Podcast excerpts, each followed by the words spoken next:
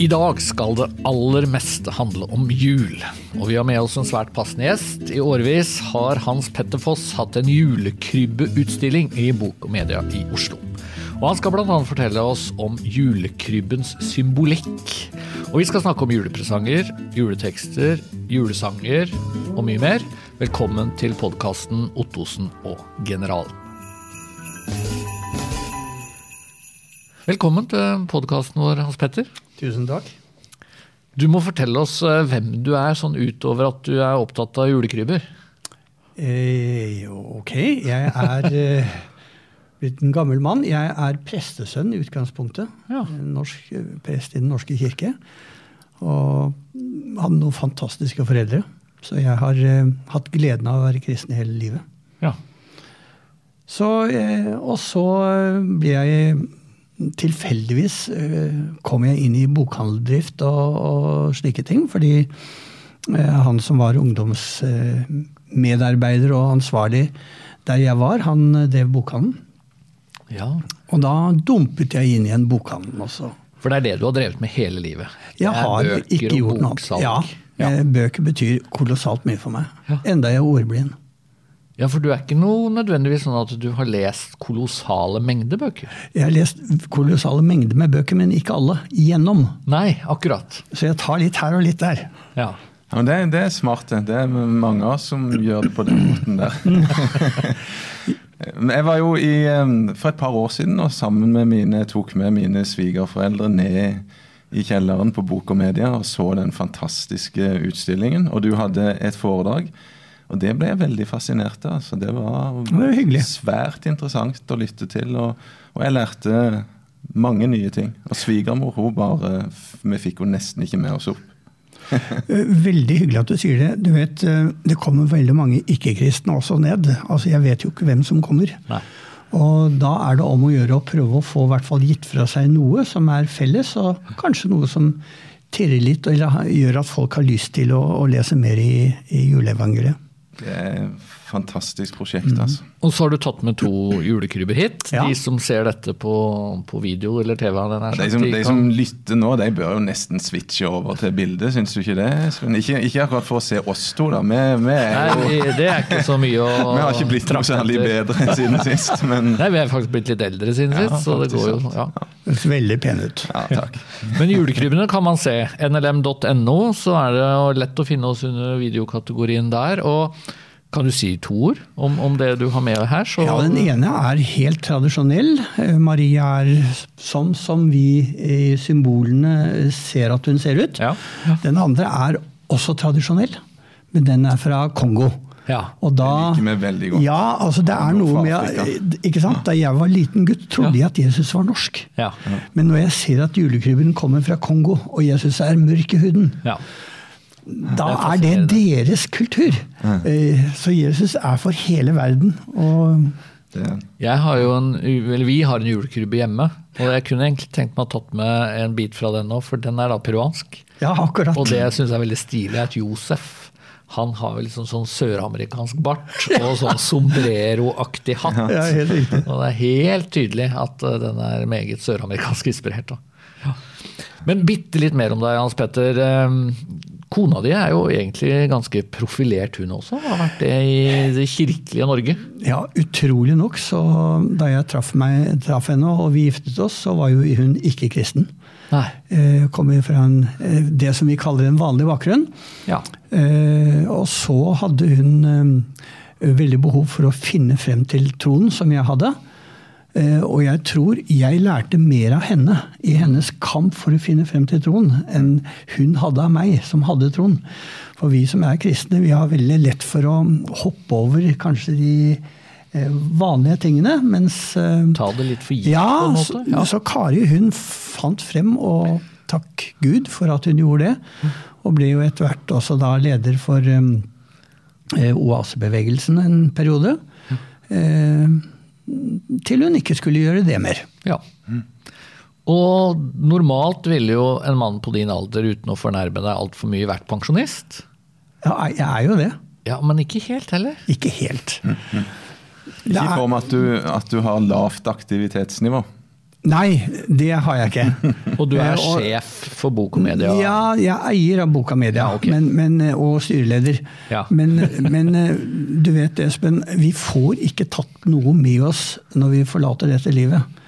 Eh, og jeg satset eh, rett og slett mitt private, min private økonomi på å prøve å drive bokhandelen videre. Mm. Det angrer jeg ikke på, selv om det kan være litt eh, vondt av og til å se at eh, pengene forsvinner ut.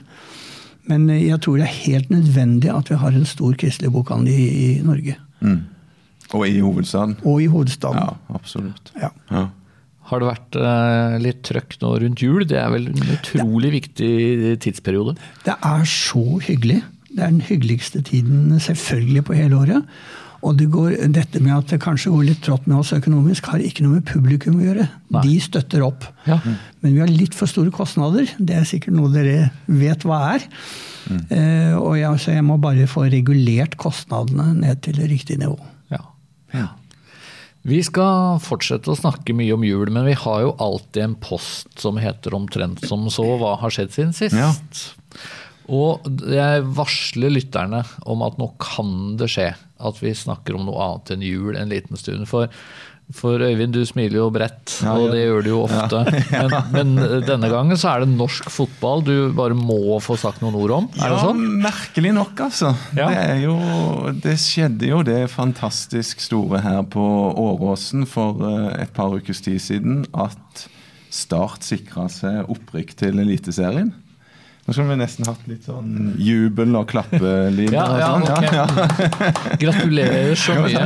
Og måten det skjedde på, var jo helt spektakulær. Eh, Men du var ikke på Åråsen? Nei, dessverre så var jeg ikke det. Det, var ikke det. Kunne kjørt et 20 minutter, så hadde du vært der. Men Ja. Angrer? Eh, Nå skal jeg fortelle. Altså, okay. det hadde seg sånn at Start vant jo 2-1 i den første kampen. For, det her, for å sikre seg opprykk så er det jo to kamper mot Lillestrøm, som sto i fare for å rykke ned. Har du stålkontroll på dette, Hans Petter? Bare sånn forsiktig. Ja, jeg har det. Og Ja. To- Tom Nordli kom jo inn og skulle prøve å redde stumpene. Ja, han gjorde det. Ja, så De, de, de leda 2-1, da. Men det var en særdeles utrygg ledelse, og Lillestrøm skåra etter ett minutt. Og de skåra to og tre og fire mål og leda 4-0. Og alle regnet med at de kunne cruise inn. Og en tidligere lærer som jeg hadde når jeg gikk på Gimlekollen for 25 år siden, han sto fram i VG og fortalte at han gikk hjem.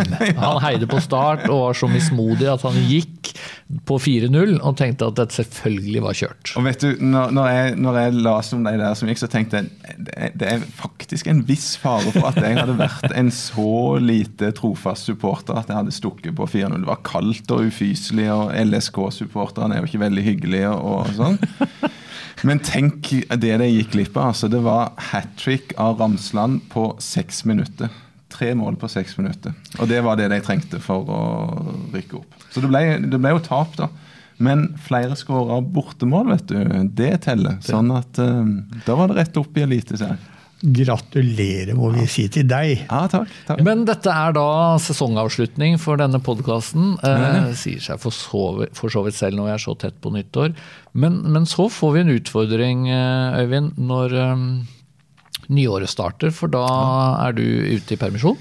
Da er jeg ute i permisjon. Da er jeg så heldig at jeg skal få ha tre måneder der jeg kan få studere og jobbe med akkurat det jeg vil. Eh, Og bli kanskje med litt sånn på Skype eller eh, sånn, hvis det passer. Men du har jo tenkt å få inn en vikar. Ja, vi, vi skal løse det. Jeg tror ikke jeg tar sjansen på å sitte her helt aleine. Så Nei. det kan bli både gjester og vikarer og litt ulike løsninger. Men det Jeg håper folk... bare du ikke finner noen som du er så fornøyd med at, uh, at jeg blir skifta ut her. Nei, altså Ditt problem selvfølgelig er at vi heter Ottosen og Generalen. Ja. Og det finnes jo en del generaler der ute av ulikt uh, slag, så, så det er ikke noen selvfølge. Men du får rett og slett bare være tilgjengelig på Skype og, og holde kontakten på den måten. Holde formen, liksom, sånn at jeg er klar når, eh, når det blir april. Hvordan er det ellers med juleplanen? Er du eh, god på julepresanger og ordner opp på den måten? Nei, Jeg, jeg vil jo si jeg er ganske à jour i år. Ja. Uh, men det vil jo ikke si at eh, Altså, jeg har ikke kjøpt noen ting. Ikke ei julegave. Har du ikke? Nei, nei. Nei. Men det er vanlig, så derfor sier jeg à jour. Ja. Mm. det, så det må komme nå i løpet av skal vi se, ja, et par dager. Men det er sånn i, si, ditt ekteskap eller din familie at du kjøper et eller annet til kona, og hun kjøper resten. Det, det er bortimot sånn, ja. Ja, okay. ja. Så litt variasjoner år fra år, men, eh, men det, det ligner veldig mye på det du beskrev der. Vi, vi kan gå videre og, og snakke litt eh, ordentlig om eh, jul. Ja. Um, men altså, skal vi mimre litt aller først? Det fikk jeg lyst til, Øyvind, når det gjelder jul. Altså, Når du ser tilbake, du begynner jo å bli en, en gammel mann. ja, jeg gjør det. Hva er liksom ditt beste juleminne? Hva, hva husker du aller best? Nei, det, det, det jeg kunne tenkt meg bare å si et par ord om i dag, da. Det, Ja. det, er ikke sånn, det er ikke sånn barndomsminne eller sånn, selv om det er masse gode barndomsminner. Vi var alltid Jo, skal jeg fortelle et barndomsminne likevel? Ja, ok. Vi, vi hadde den litt spesielle skikken at vi besøkte begge besteforeldreheimene på julaften. Fordi de bodde jo, vi bodde alle sammen i samme kommunen, bygda. Og vi starta med ribbe og middag og hele alt sammen hos eh, min farmor og farfar. Det var veldig trivelig. Der begynte vi liksom og hadde pakkeåpning og hele greia. Og så kjørte vi tre kilometer til min mormor og morfar. Og der hadde vi julaften nummer to med kaffe og kake og, og flere pakker under treet. Så jeg, jeg, syns veldig synd på alle som ikke fikk julaften i to omganger. Liksom. Det, det var min spesialgreie. Ja. Jeg, jeg husker veldig godt uh, Vi hadde sånn uh, Altså jeg kom, har en veldig liten familie. eh, Sånn at jeg vokste jo opp da med en mor og en lillesøster, og det var oss. Og forholdsvis lite familie. Og det som var viktig for meg, husker jeg da jeg var liten, det var kommer storesøstera mi, som jo da er halvsøster, men aldri brukt det begrepet. Men det syns jeg alltid var så stort, for hun var 20 år eldre enn meg. Så det betyr at hun var rundt eh, 30 når jeg var 10. Og når hun kom, liksom, da var det litt ordentlig julaften. Da skjedde liksom noe. Men hvis det bare var mor og søstera mi og meg, så syns jeg det var stusslig. Uh, og så husker jeg vi, når vi skulle gå rundt juletre, hvis vi da bare var tre, så, så måtte vi jo dra på med noen dokker og sånn, for liksom å lage ring rundt, det syns jeg var litt uh, Litt stusslig, ja. Men jeg husker jo fortsatt liksom, at jeg fikk en sånn Lego-traktor eller noe sånt. og brukte hele jula til å bygge den, og syntes det var helt uh, fantastisk. Det er Og du, fint. og du har du Nei, noen altså, juleminner som som han. Ja, jeg har en håpløs rar barndom. Ja. Eh, far var sykehusprest på Drammen sykehus. Ja. Eh, og da holdt han gudstjeneste i, i syv etasjer hver julaften. Og jeg har jo fem søsken, og vi var med i hver eneste etasje. Så jeg kunne jo julebudskapet, juleevangeliet utenat da jeg kom til Oslo. Så det var der det begynte. Det Ja, er ikke så- tilfeldig at du driver med Nei, kanskje ikke. Eh, Og så tenker jeg at min jul var altså å være og høre juleevangeliet i syv etasjer hver, hver eneste julaften. Ja. Og da, jeg, da vi flyttet, så mistet jeg min barndomsjul. ja. For du opplevde det som flott? Det var Det ikke var noe fantastisk. for deg? liksom? Og da vi kom til første etasje, så fikk vi Jugotteposer. Ja. Det var helt utrolig. Så vi hadde en så flott jul. ja, akkurat. Nå må vi snakke om julekrybber, for det har du mye på hjertet om. Um, og så har du veldig mange. Det må vi jo si litt om. Ja, altså nå har vi jo litt færre. Vi hadde enda flere, men nå har vi ca. 300 som står i utstillingen. Ja. eh, fra hele verden. Det er veldig viktig for oss å ha julekrybber fra hele verden.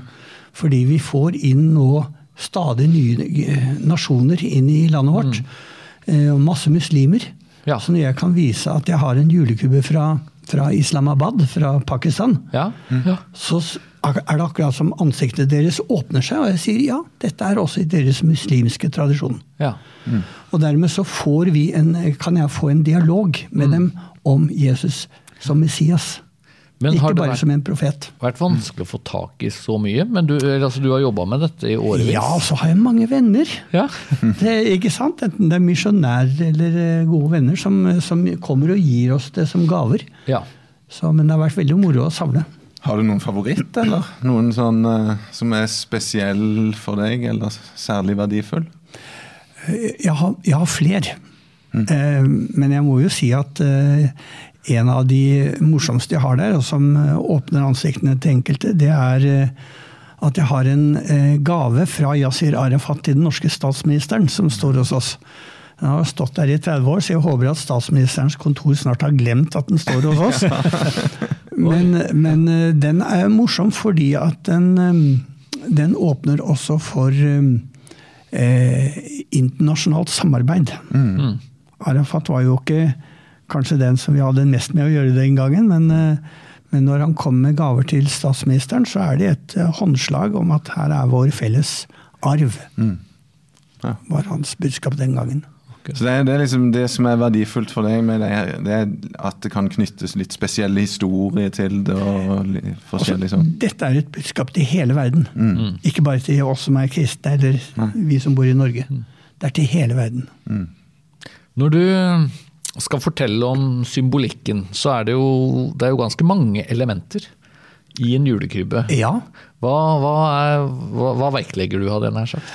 altså egentlig så prøv, eh, En julekrybbe den trekker jo hele julebudskapet sammen. Ja. Det er på en måte, det, vi vet jo at de vise menn ikke var der samtidig som hyrdene på marken. Sånn rent generelt, ikke sant? Men i en julekrybbe så er alle personene samlet. Ja, for Det er jo litt interessant akkurat det. Altså, det er jo Matteus som forteller om de vise menn. Ja, Og om de var tre, eller om de var 15, det står jo ingenting om i teksten. Nei, det gjør de ikke. Ikke at de var konger heller. Nei. Ikke at de var tre. Men vise var de, og de kom. Vise var de. Eller det vil si de var stjernetyder eller mager. Ja. Ja. Og så har vi gjeterne. Og om begge gruppene står det jo at de kom til, eh, til Maria og Jesusbarnet, men Matteus forteller altså om de vise menn. Og Lukas forteller om gjeterne. Og så vet vi jo da ikke om de møtte hverandre på vei til uh, dette Altså, hvis- stedet, eller Hvis, du leser, eh, hvis man leser teksten nøye, så Ja. fikk jo Det var jo gjeterne, altså de som kanskje var litt nede på rangstigen, som fikk vite det først av englene. Ja. Som forteller at de skal finne et barn i en krybbe. Ja. Det står ikke noe om stall. Nei, det gjør ikke det. Nei, og når de vise menn kommer, Ja. så går de inn i huset hvor de finner Maria og barnet. Ja. Så Josef er ikke der, tydeligvis. Og kanskje ikke han ligger i en krybbe på det tidspunktet hvor de kommer. Det er veldig spennende. Julehistorien er utrolig spennende. ja. Fordi den favner så den favner så vidt og dypt, og du, må, du klarer ikke å, å nå ordentlig inn i teksten, tror jeg, noen gang. Det er jo interessant. Det er, så- det er, jo, det er jo veldig omdiskutert blant teologer og tekstforskere. og sånn, det, det ordet som er brukt, som er oversatt med stall av og til. og sånn, ja. betyr det egentlig? Et, et gjesterom, eller Ja. hva er det som er mest relevant å oversette akkurat det ordet med? Og, og jeg kan jo veldig anbefale aller siste nummer av Utsyn, Ja. eh, som eh, ser sånn ut. Og der står det på forsiden stall? spørsmålstegn. Esel? spørsmålstegn. Herberge? spørsmålstegn. Det står faktisk ingenting i juleevangeliet om at Maria og Josef benyttet et esel for å reise til Betlehem, eller at Maria fødte i en stall. Så hva kan vi vite om julebudskapet? Og det jeg leste meg fram til, og for så vidt har visst en liten stund, det var at på denne tiden så var jo det vanlige at dyr og mennesker de bodde egentlig i et stort rom felles. Hver sin del. Mm. Så, så at det var en egen stall, var det jo antagelig da ikke. Men det var en krybbe, helt tydelig. Omtrent i nærheten av der Maria fødte. Et sted hvor dyrene fikk mat. Ja. Og der må da Jesus i hvert fall ha ligget en stund. I, I Betlehem så har de en eh, spesiell tradisjon, eller tanke. For jeg var der før jeg skulle lage den store julekrybben, og møtte eh, kristne palestinere som fortalte at de hadde bodd, familien deres hadde bodd der i 700 år. Og de mener at eh, Josef og Maria kommer ridende, Maria på et esel, Ja. opp til Betlehem, som ikke var noe stor by. Det var kanskje 1000 mennesker som bodde der. Og derfor sier de i sin tradisjon at det var bare ett herberge i Betlehem. Det var det siste stoppested på vei opp til Jerusalem, som ligger i underkant av en mil fra. Ja. Og da var eh, det herberget var et helt moderne herberge, forteller de. Eh, Det var én stor sal hvor alle menneskene bodde. Ja. Altså akkurat som vi har ungdomsherberg og osv. Og så under dette herberget så var det staller. Altså Der satte de fra seg dyrene i grotter. Oh, ja. Og de mener at når de, da Josef og Maria kom, så var det ikke plass for dem i det store rommet. Eh, sånn er deres tradisjon, fordi det skulle være folketelling. Og så syns eh, vertskapet litt synd på Maria, som hadde begynt å få veer. Og de lar henne få den innerste av alle grottene under herberget.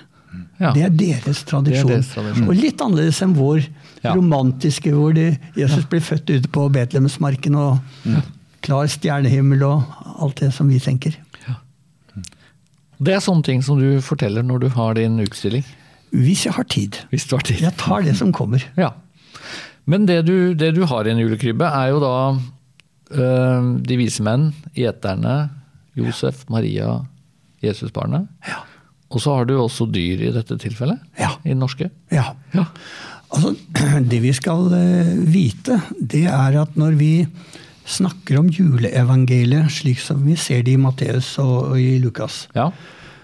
så er vi nødt til å speile Det nye testamentet mot Det gamle testamentet, altså Skriftene. Mm, mm. Det spesielle med den kristne troen er jo at vi tror Jesus er Messias etter Skriftene, Ja. sier Paulus i Ja. Korinterne. Ja. Og det er det, dette som er det spesielle. Eh, og f.eks. dette med dyr. Da står det i eh, Jeg tror det er Mika. En okse kjenner sin herre, og et esel sin herres krybbe. Men Israel kjenner ingenting, mitt folk er uten forstand. Slik så har man altså speilet eh, dyrene ved det som står i eh, en av profetiene, en av skriftene. Derfor er det blitt slik.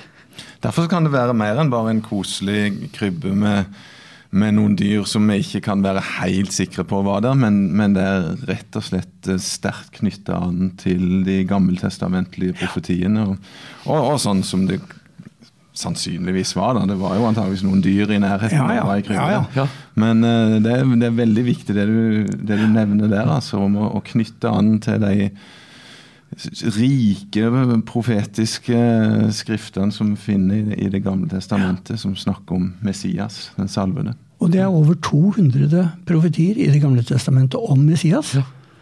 Eh, og Derfor har vi hengt opp på veggen nede hos oss har vi hengt opp 20 av profetiene som går på Jesu fødsel. Ja, for det er jo ja, kanskje særlig Matteusevangeliet som, som stadig mm, helt eksplisitt sier at uh, dette skjedde fordi det skulle oppfylles, og så viser man til noe i det, Det er helt riktig. Og Lukas, eh, han var jo lege.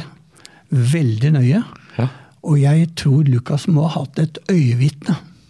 Og jeg tror det er Maria. Ja, som har gjemt det i sitt hjerte og fortalt det videre til Lukas. Det er så detaljert at eh, det må ha vært en som har vært nær til stede. ja. Det er interessant. Det Hva Kan pleier du å fortelle om, eh, om Josef? For han er jo en interessant karakter. Eh, han er jo ikke sånn det er, jo, det er jo Maria som føder, og som sånn sett er hovedpersonen, men han er jo tydelig til stede i juleevangeliet, selvfølgelig. Ja, altså Han er en eh, helt, etter min mening. Eh, For det første er jo Maria heltinne. Ja. Altså Hun er veldig ung og, og risikerer å bli steinet etter Moseloven hvis hun får barn utenfor ekteskap, og sier samtidig ja, jeg vil være Herrenes tjenerinne. Så hun er jo fantastisk eh, modig. ja. Eh, Josef er også det. Josef tenkte å skille seg fra henne i all stillhet. Som betyr at de har hatt en kontrakt, eh, og hvor han da ikke har fått lov til å være med på, på, på unnfangelsen. Så han tenker å trekke seg unna for å ikke kaste skam over henne. Ja. Og så kommer jo engelen også til Josef og forteller at eh, han skal ta Maria til seg. Så det er jo en dramatisk historie. Eh, Og Josef han er altså lydhør mot det engelen sier til ham. Så, så til og med når de kommer frem til Betlehem, så er de bare trolovet. ja. De er ikke gift ennå. Så for meg er Josef en svært viktig figur. ja. Det har vært diskutert litt eh, Jeg vet ikke om vi fant helt den diskusjonen eh, her før, før vi skulle til sending, men var det den 25. desember at eh, Jesus eh, ble født? I år null, eller? Det, det, det er det jo veldig mange ulike tanker om. Har, har du Ja, grubla noe på det? Jeg kan jo si at hovedutfordringen sånn forskningsmessig ville jo være at Quirinius, står det jo, var landshøvding i Syria. Og det gikk ut et bud fra keiser Augustus. Men det passer ikke helt med år null. Nei, det gjør ikke det. Og, og kong Herodes, han døde fire år før Kristus. Ja, og han Og hans- møter vi vel ikke direkte i Lukas, men han er jo i Matteus. Ja, så han har jo absolutt en betydning her. Ja, nei, nei, Bibelen er ikke- helt Eller det vil si, tydningene som menneskene har gjort, er nok ikke helt korrekt. Men eh, så, så, og, og så kan dere tenke på at eh, hvis det er sant, og jeg tror jo egentlig Bibelen er veldig sann, eh, så eh, drepte Herodes alle barn under to år. Så da er vi plutselig eh, så langt, og vi vet at de dro til Egypt og kom tilbake igjen etter at Herodes var død. Ja. Så da er vi på år, år seks før Kristus, Ja. og kanskje år syv. Ja. Og det er jo den vanligste dateringen i dag, å Ja. si at det må ha vært Ja. omtrent Ja. år sju eller noe sånt. da. Men jeg tenker at dette er for meg bagateller allikevel. Eh, Helt Vi enig. vet, vet at Jesus er født, og vi vet at vi i dag feirer julaften som Jesu fødsel. Men den datoen også er jo litt interessant, for det er jo ikke slik at hele kirkehistorien av den er sagt, har tenkt at det er 24. desember eller 25. Da, som, som det er ellers. Det ble jo flytta. Det ble flyttet fra 6. januar, som, var, som er vår hellige tre kongersaften. Ja. eh, Som katolikkene og den gresk-ortodokse kirke fortsatt bruker. Ja. Eller i hvert fall deler av den eh, katolske eh, bevegelsen. Mens eh, vi flyttet det til solfesten. Ja. Eh, Og tok med oss pakker og tok med oss juletre, vi som er protestanter. Og så fikk man julaften på akkurat det tidspunktet. Ja. Og ikke bare det, men vi fikk også da sankthans seks måneder før. Ja. Så jeg har trukket Maria, nei unnskyld, Elisabeth inn i julekrybben hos oss for å få med også det, den største av alle vitner, Johannes døperen. For Elisabeth er jo ikke til stede i de fleste julekrybber sånn. Nei. Men eh, det er, det er ganske interessant at englen, engelen, det siste engelen sier til Maria, Ja. det er 'se din slektning Elisabeth er blitt med barn'. Ja. Og det første Maria gjør etter unnfangelsen, er å dra opp til Elisabeth Ja. for å høre hva hun har opplevd. Det er fantastiske tekster, Det er fantastiske tekster. Ja, det er det. Eh, og, og, og, og, og så står det videre at Maria var hos Elisabeth i tre måneder. Og vi som kan legge sammen tre og seks, vi kommer til ni måneder før. Ja. Eller at eh, hun var der i ni, i ni måneder, eller da Elisabeth var i sin niende måned. ja. Mm. Det er vanligvis fødselsmåneden, så Kanskje Bibelen sier ingenting, men det kan jo være at Maria har vært med på fødselen til døperen Johannes. Og så står det appåtil, det er jo noe av det rareste nesten i Bibelen, at Jesus og Johannes jeg holdt på å si, møtte hverandre da i hver sin mage. For det står jo veldig tydelig Ja, at Johannes riktig. beveget seg, eller Ja. sprelte, eller hvordan Seks måneder på vei. Han var den første som oppdaget Messias. Ja, ja. Det er jo, apropos det, det er jo det er den, den teksten som var på nå forrige søndag, når Johannes sitter i fengsel og, og, og begynner å bli i tvil. Ja, noen tenker jo at det var for å, at disiplene var i tvil, og han stilte et pedagogisk spørsmål til Jesus. Men jeg, jeg, jeg tenker jo at Johannes virkelig opplevde reell tvil og, og sendte bud til Jesus. Er du den som skal komme, eller skal vi vente på en annen? Og Det er jo, er jo midt i det som vi snakker om her, og, og Jesus svarer bare med å gjenta de gammeltestamentlige profetiene om, om hvem Messias var, og tegnene på Guds rike og på at Messias var nær. Det, er, det er utrolig fint å se hvordan de tingene her henger sammen og skaper et troverdig bilde. Og, og, og det, med, det med Jesu fødsel og, og at, at Gud blir menneske, det, det er for meg eh, eh, veldig sånn sterkt apologetisk. Altså sterkt forsvar for at, at kristen tro faktisk er sant. Fordi det er så det er så lite trolig at noe menneske hadde kommet på det. Altså at han som eide alt, Gud, fornedra seg sjøl og ble et menneske og, og, og, tok del i våre kår og, mm. og døde på korset. Så det, For meg så, så, så, er jula viktig sånn. altså. Jeg er helt enig med deg. Dette er kjempeviktig for oss som er kristne. Den troen som vi har på Jesu, og at lyset kom til verden. Ja. Ikke sant? Jeg er verdens lys. Så trekker hele Bibelen er jo så logisk. Starter med lyset avslutter med lyset i åpenbaringsboken. Og Jesus er verdens lys. Mm. Og midtpunktet i, ja, helt fantastisk. i frelseshistorien ja, helt og verdenshistorien. Og ja, vi, er, vi, kan være stolte av troen vår. Ja.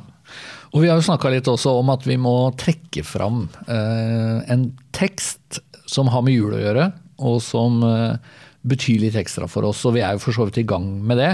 Eh, og den teksten som, som, jeg har tenkt litt på, og som stemmer veldig, eller passer veldig godt til det dere har sagt nå, det er en tekst veldig få kobler til julebudskapet, men jeg tenker ofte på Filippe-brevet 2. Og vers 6 eh, og 7, hvor det jo står beskrevet denne inkarnasjonen, som det jo heter på pent, altså at Gud blir menneske. Han var i Guds skikkelse. Og så kommer den litt rare formuleringen. Og så det ikke som et rov å være Gud lik, men ga avkall på sitt eget, tok på seg en tjeners skikkelse og ble mennesker lik. Mm. Og, og, det at han ga avkall på sitt eget, eller fornedret seg selv, som det vel også kan formuleres, jeg tror at det er lett å glemme da, når vi snakker om julebudskapet, for det virker veldig idyllisk. Og eh, det er veldig trivelig med en bitte liten baby som blir født, og, og, og kanskje litt sånn ufarlig også. Men, men, det er jo egentlig utrolig radikalt mm. at Gud velger å bli et hjelpeløst spedbarn. Og Bibelens budskap er jo at det er den høye, mektige Gud som mm. faktisk fornedrer seg selv, gir avkall på majestetsposisjonen eh, og blir et svakt menneskebarn for vår skyld. Så står det jo likevel i Jesaja 9,6 om, om eh, et barn er født, en sønn er gitt, og at herredømmet hviler på hans skuldre. Ja. Det, er, det, er, jo noen voldsomme paradokser. Det, ja. Og, ja, og det er, jo, det er, jo, denne enorme kontrasten, som jeg òg tenker faktisk apologetisk er, eh, er veldig interessant. for den jeg tror den på en måte viser at, at, dette kan jo ikke være noen mennesker som har satt seg ned og tenkt ut fiffig teologi. Ja. For da hadde ting gått opp på en helt annen måte. Her er paradoksene, og her er mm. spenningene. Mm. Men, men, jeg vil jo ikke si motsetningene, men det handler om innfallsvinkel. Altså han, han fornedret seg selv, men han er og blir kongen også. Mm. Messias som mm. kom. Sann Gud og sant menneske. Ja. Og så har vi jo snakka om Matteus. Uh, evangeliet allerede. Der er det jo en del om Jesu fødsel og Lukas. Men du tenker jo også litt på Johannes? Ja, jeg tenker jo på Johannes, da, som, eh, som Hva var det?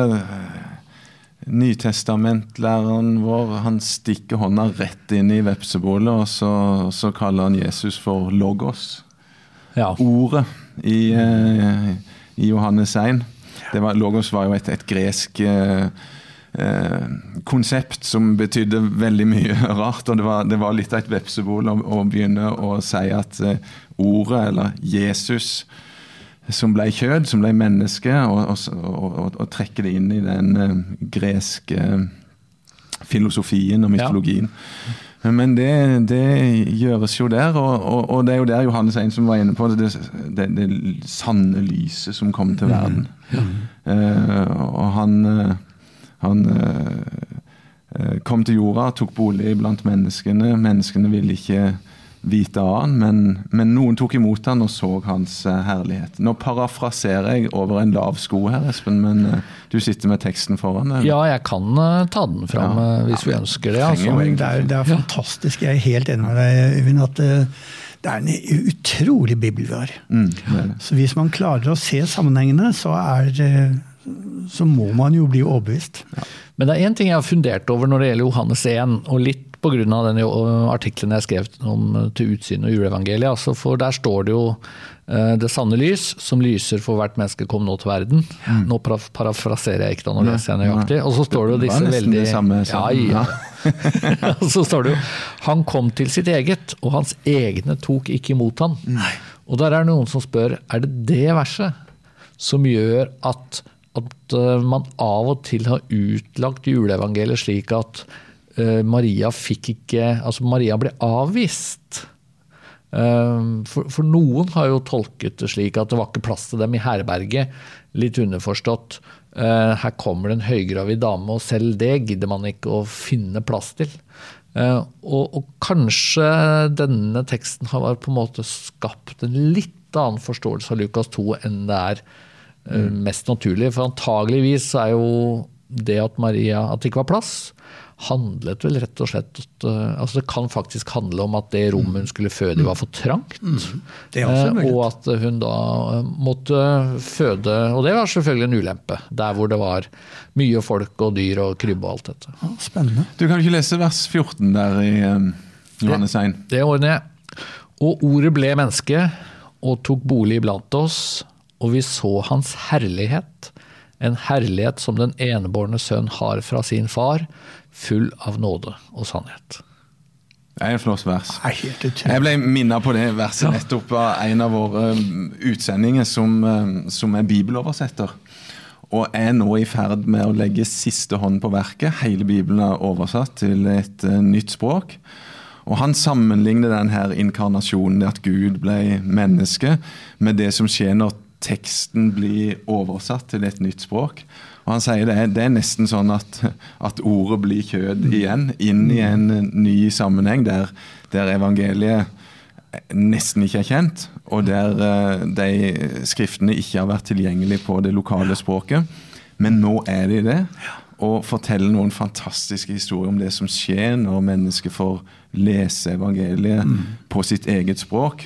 Og, og, og, så bruker han det her verset og sier at da, da, får de virkelig se hans herlighet når de leser det på sitt eget språk. Så det var en fin julehilsen å få ifra en av våre utsendinger, syns jeg. Men jeg tror det treffer veldig godt. Jeg tenker på det sjøl at ja, når jeg var i Peru og skulle forberede meg og skulle tale på spansk og lese den spanske bibelen Jeg tok jo alltid fram den norske også, mm. fordi, for å på en måte komme på innsiden mm. mm. av budskapet. Det er, mm. det, er, det er, noe spesielt med mm. morsmålet på den måten. Ja. Du skal leve lenge i et land og kunne språket veldig godt før du ikke tyr til norsken først når, i en sånn, ja. når du skal faktisk tale og legge ut uh, sånn. Det var litt om juletekster. Jeg har jo et litt system for denne samtalen. For vi må du følger innom... et system, du? Ja, ja. ja. ja du, kan, du, kan, jo bare Jeg trodde bare det her var en hyggelig prat. det er det òg. Ja, det er jo det. Men jeg har notert ned at vi må snakke litt om julesanger òg. For det betyr utrolig mye for folk. Og jeg syns jo det er noe av det egentlig det flotteste med norsk jul. Man kan jo si at det er mye pakkemas, og det er mye kjøpesenter, og det er handlepress, og det er nisser og, og julenisse og alt mulig. Men jeg syns av og til det er så sterkt å gå inn på et eller annet butikk eller kjøpesenter hvor veldig lite tilsier at nå feirer vi Jesus. Og likevel, så plutselig kommer det over høyttaleren mm. en sterk juletekst om Betlehem og Jesus og Gud i det høyeste. og ja, Det, det synes jeg, det har truffet meg noen ganger faktisk i år. Jeg har stått i en eller annen kø, mm. og så plutselig så får du julebudskapet selv i en sånn sammenheng. Ja, Det er fint. Det er sant, det. Det er en enormt viktig eh, tradisjon og, og, skatt som vi har der i, mm. i, alle de flotte sangene. Som er på en måte allemannseie da, i jula, mm. som veldig mange bruker og lytter til. Ja. ja, det kommer jo fortsatt juleplater hvor artister som veldig sjelden synger om Jesus, men akkurat julesanger, det synger de gjerne. Mm. Hva er din eh, favoritt, Hans Petter? Har du en? Ja, jeg er vel såpass tradisjonell at jeg tenker 'Deilig er jorden'. Um, ja. Og så tenker man umiddelbart når man synger den sangen, at det er en fredssang for hele jorden. Ja. Og det er det jo på mange måter, men det er først og fremst så er det en fred som oppstår mellom det mennesket som ønsker å ta imot eh, Guds storhet. Mm. Det er en fred mellom Gud og menneske. Mennesket. Altså hvert enkelt menneske.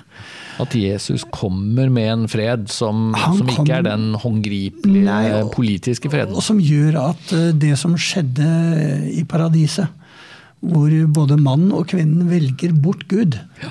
eh, den er på en måte kommet tilbake igjen ved at eh, Jesus kommer og gir seg selv etter hvert.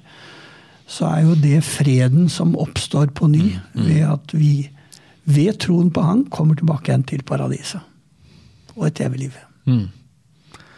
Deilig er jorden. Det er jo kanskje den aller mest uh, brukte julesangen nå, på mange måter. Du Øyvind, har du en favoritt? Ja, jeg, jeg, tror jeg må si at vi nærmer oss en favoritt uh, hvis vi snakker om den uh, 'Mitt hjerte alltid vanker'. Ja.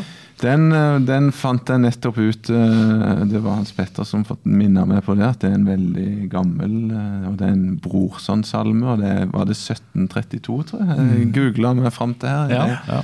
Så det, og det, det, det, er jo Det er, er, liksom et, noen sånn noen sånn sterke formuleringer der, da. Altså I Jesu føderom, der samles mine tanker som i sin hovedsum. Det, det passer jo godt. Det gjør det. Ja, det gjør det.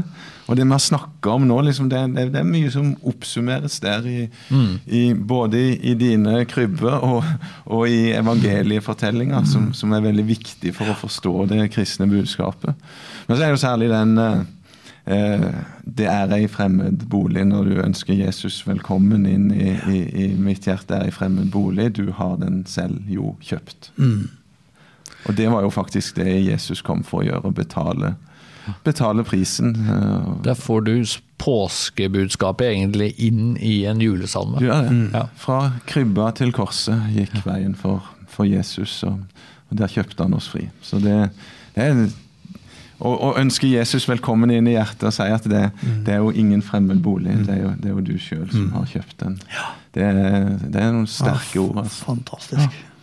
Og du Espen, du, ja, altså jeg tenkte, du er ikke noen stor sanger. Det, ja, det, skal jeg ikke skryte på meg heller, da. Men, men, du var jo av de få som fikk slippe å synge i misjonsskolekoret på begynnelsen av 90-tallet. Med god grunn. Eller, vi burde kanskje ikke rippe opp i det. Nei, det er helt greit. Ja. Trivelig juleprogram og alt. Det som jeg syns var gøyest med det, altså når Øyvind og jeg blant annet da gikk på Fjellhaug, og så utga jo, og det var jo ikke ofte det skjedde, da utga Misjonsskolekoret en plate.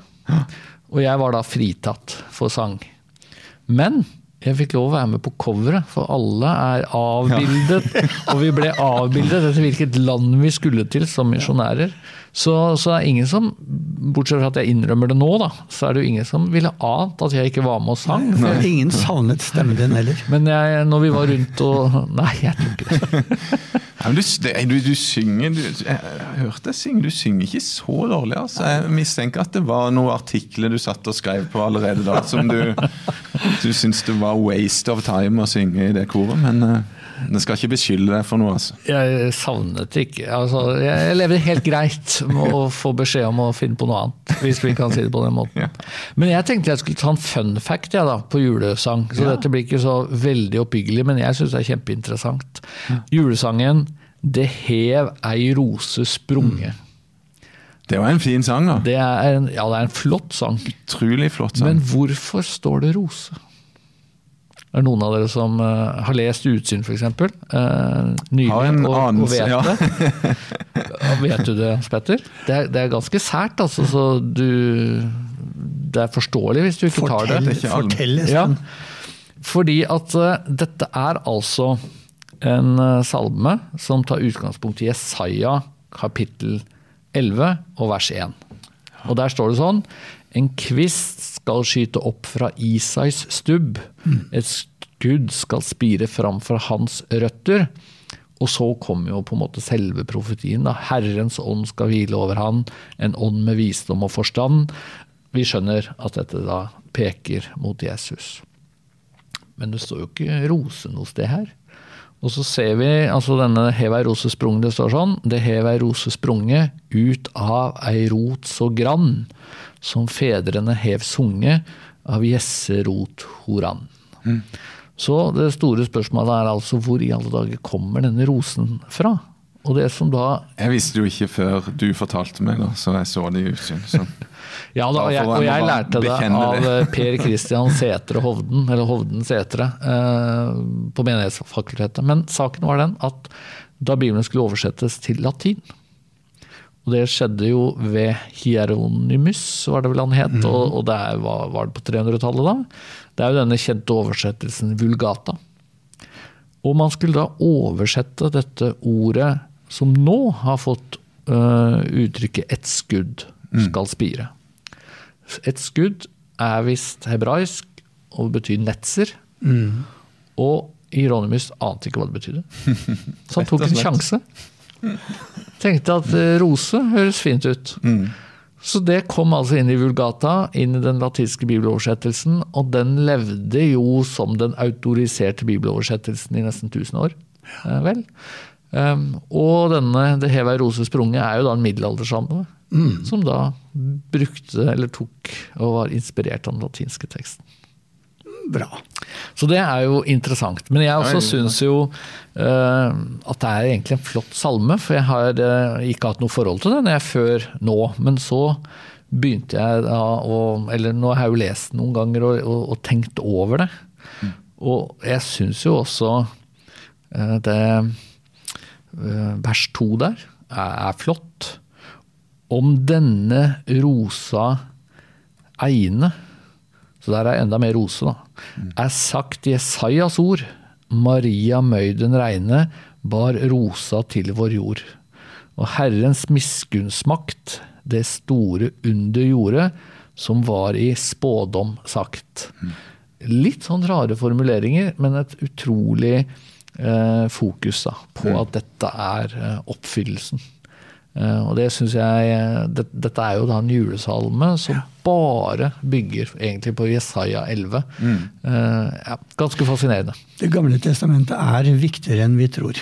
Det er speilet Ja. for det som skjer. Ja. Og jeg tror kanskje også at vi, vi som kristne i dag, vi hører litt for ofte folk som eh, kritiserer Det gamle testamentet på en litt urettferdig måte. Man henger seg opp i, og, og man kan ha en viss forståelse for det. Det er tekster som utfordrer, og, og, og det, er, eh, det er vold og blod og krig og, og den slags. Vanskelig og vanskelig. Men det fins utrolig mye annet i Det gamle testamentet. Og det er så mye om Guds barmhjertighet, om Guds trofasthet, om Gud som holder løfter. Og det er jo noe av det vi får fram i, i dette. Så syns jo jeg det var fint da, å begynne med en krybbe fra, fra Kongo. altså. Jeg er veldig glad du tok med den. Jeg har vært misjonær i, i Kenya sjøl i noen år. Og det, det der, der, der er jo så mye i juleevangeliet som gir motivasjon og inspirasjon til misjon. Nettopp noe av det her vi snakker om, det, det, det helt unike og enestående i det budskapet, som viser at eh, det, det finnes ikke frelse i noen andre. Dere kan ikke gjøre det hvis, hvis det her er sant, som vi lærer om at Gud ble menneske. Ja, for var det nødvendig for at eh, det skulle bli forsoning, skulle bli frelse, skulle bli nåde, så blir Jesus eneste redningsmann. Det, det ligger egentlig i julebudskapet, for det er så unikt. Jesus er den sentrale personen. Det er ikke tvil om det. Det er han som er redningen. Det er det. Derfor reiste du, Espen, til Peru, og vi dro til Kenya. Og, og derfor driver vi fortsatt og sender misjonærer rundt omkring i hele verden for å, å forkynne det glade budskap. Ja. Og derfor eh, feirer vi jul, og vi vil eh, avslutte denne podkasten med å takke for følget til våre lyttere og seere gjennom året. Vi takker Hans Petter Foss, som var gjesten vår i dag. Det var veldig trivelig og interessant å ha deg med. Takk i like måte. Ønsker vi alle en riktig god jul. God jul. God jul. Dette er Ottosen og generalen, en podkast fra Norsk Luthersk Misjonssamband. Hør han på iTunes og Spotify, eller se dem på YouTube og nlem.no.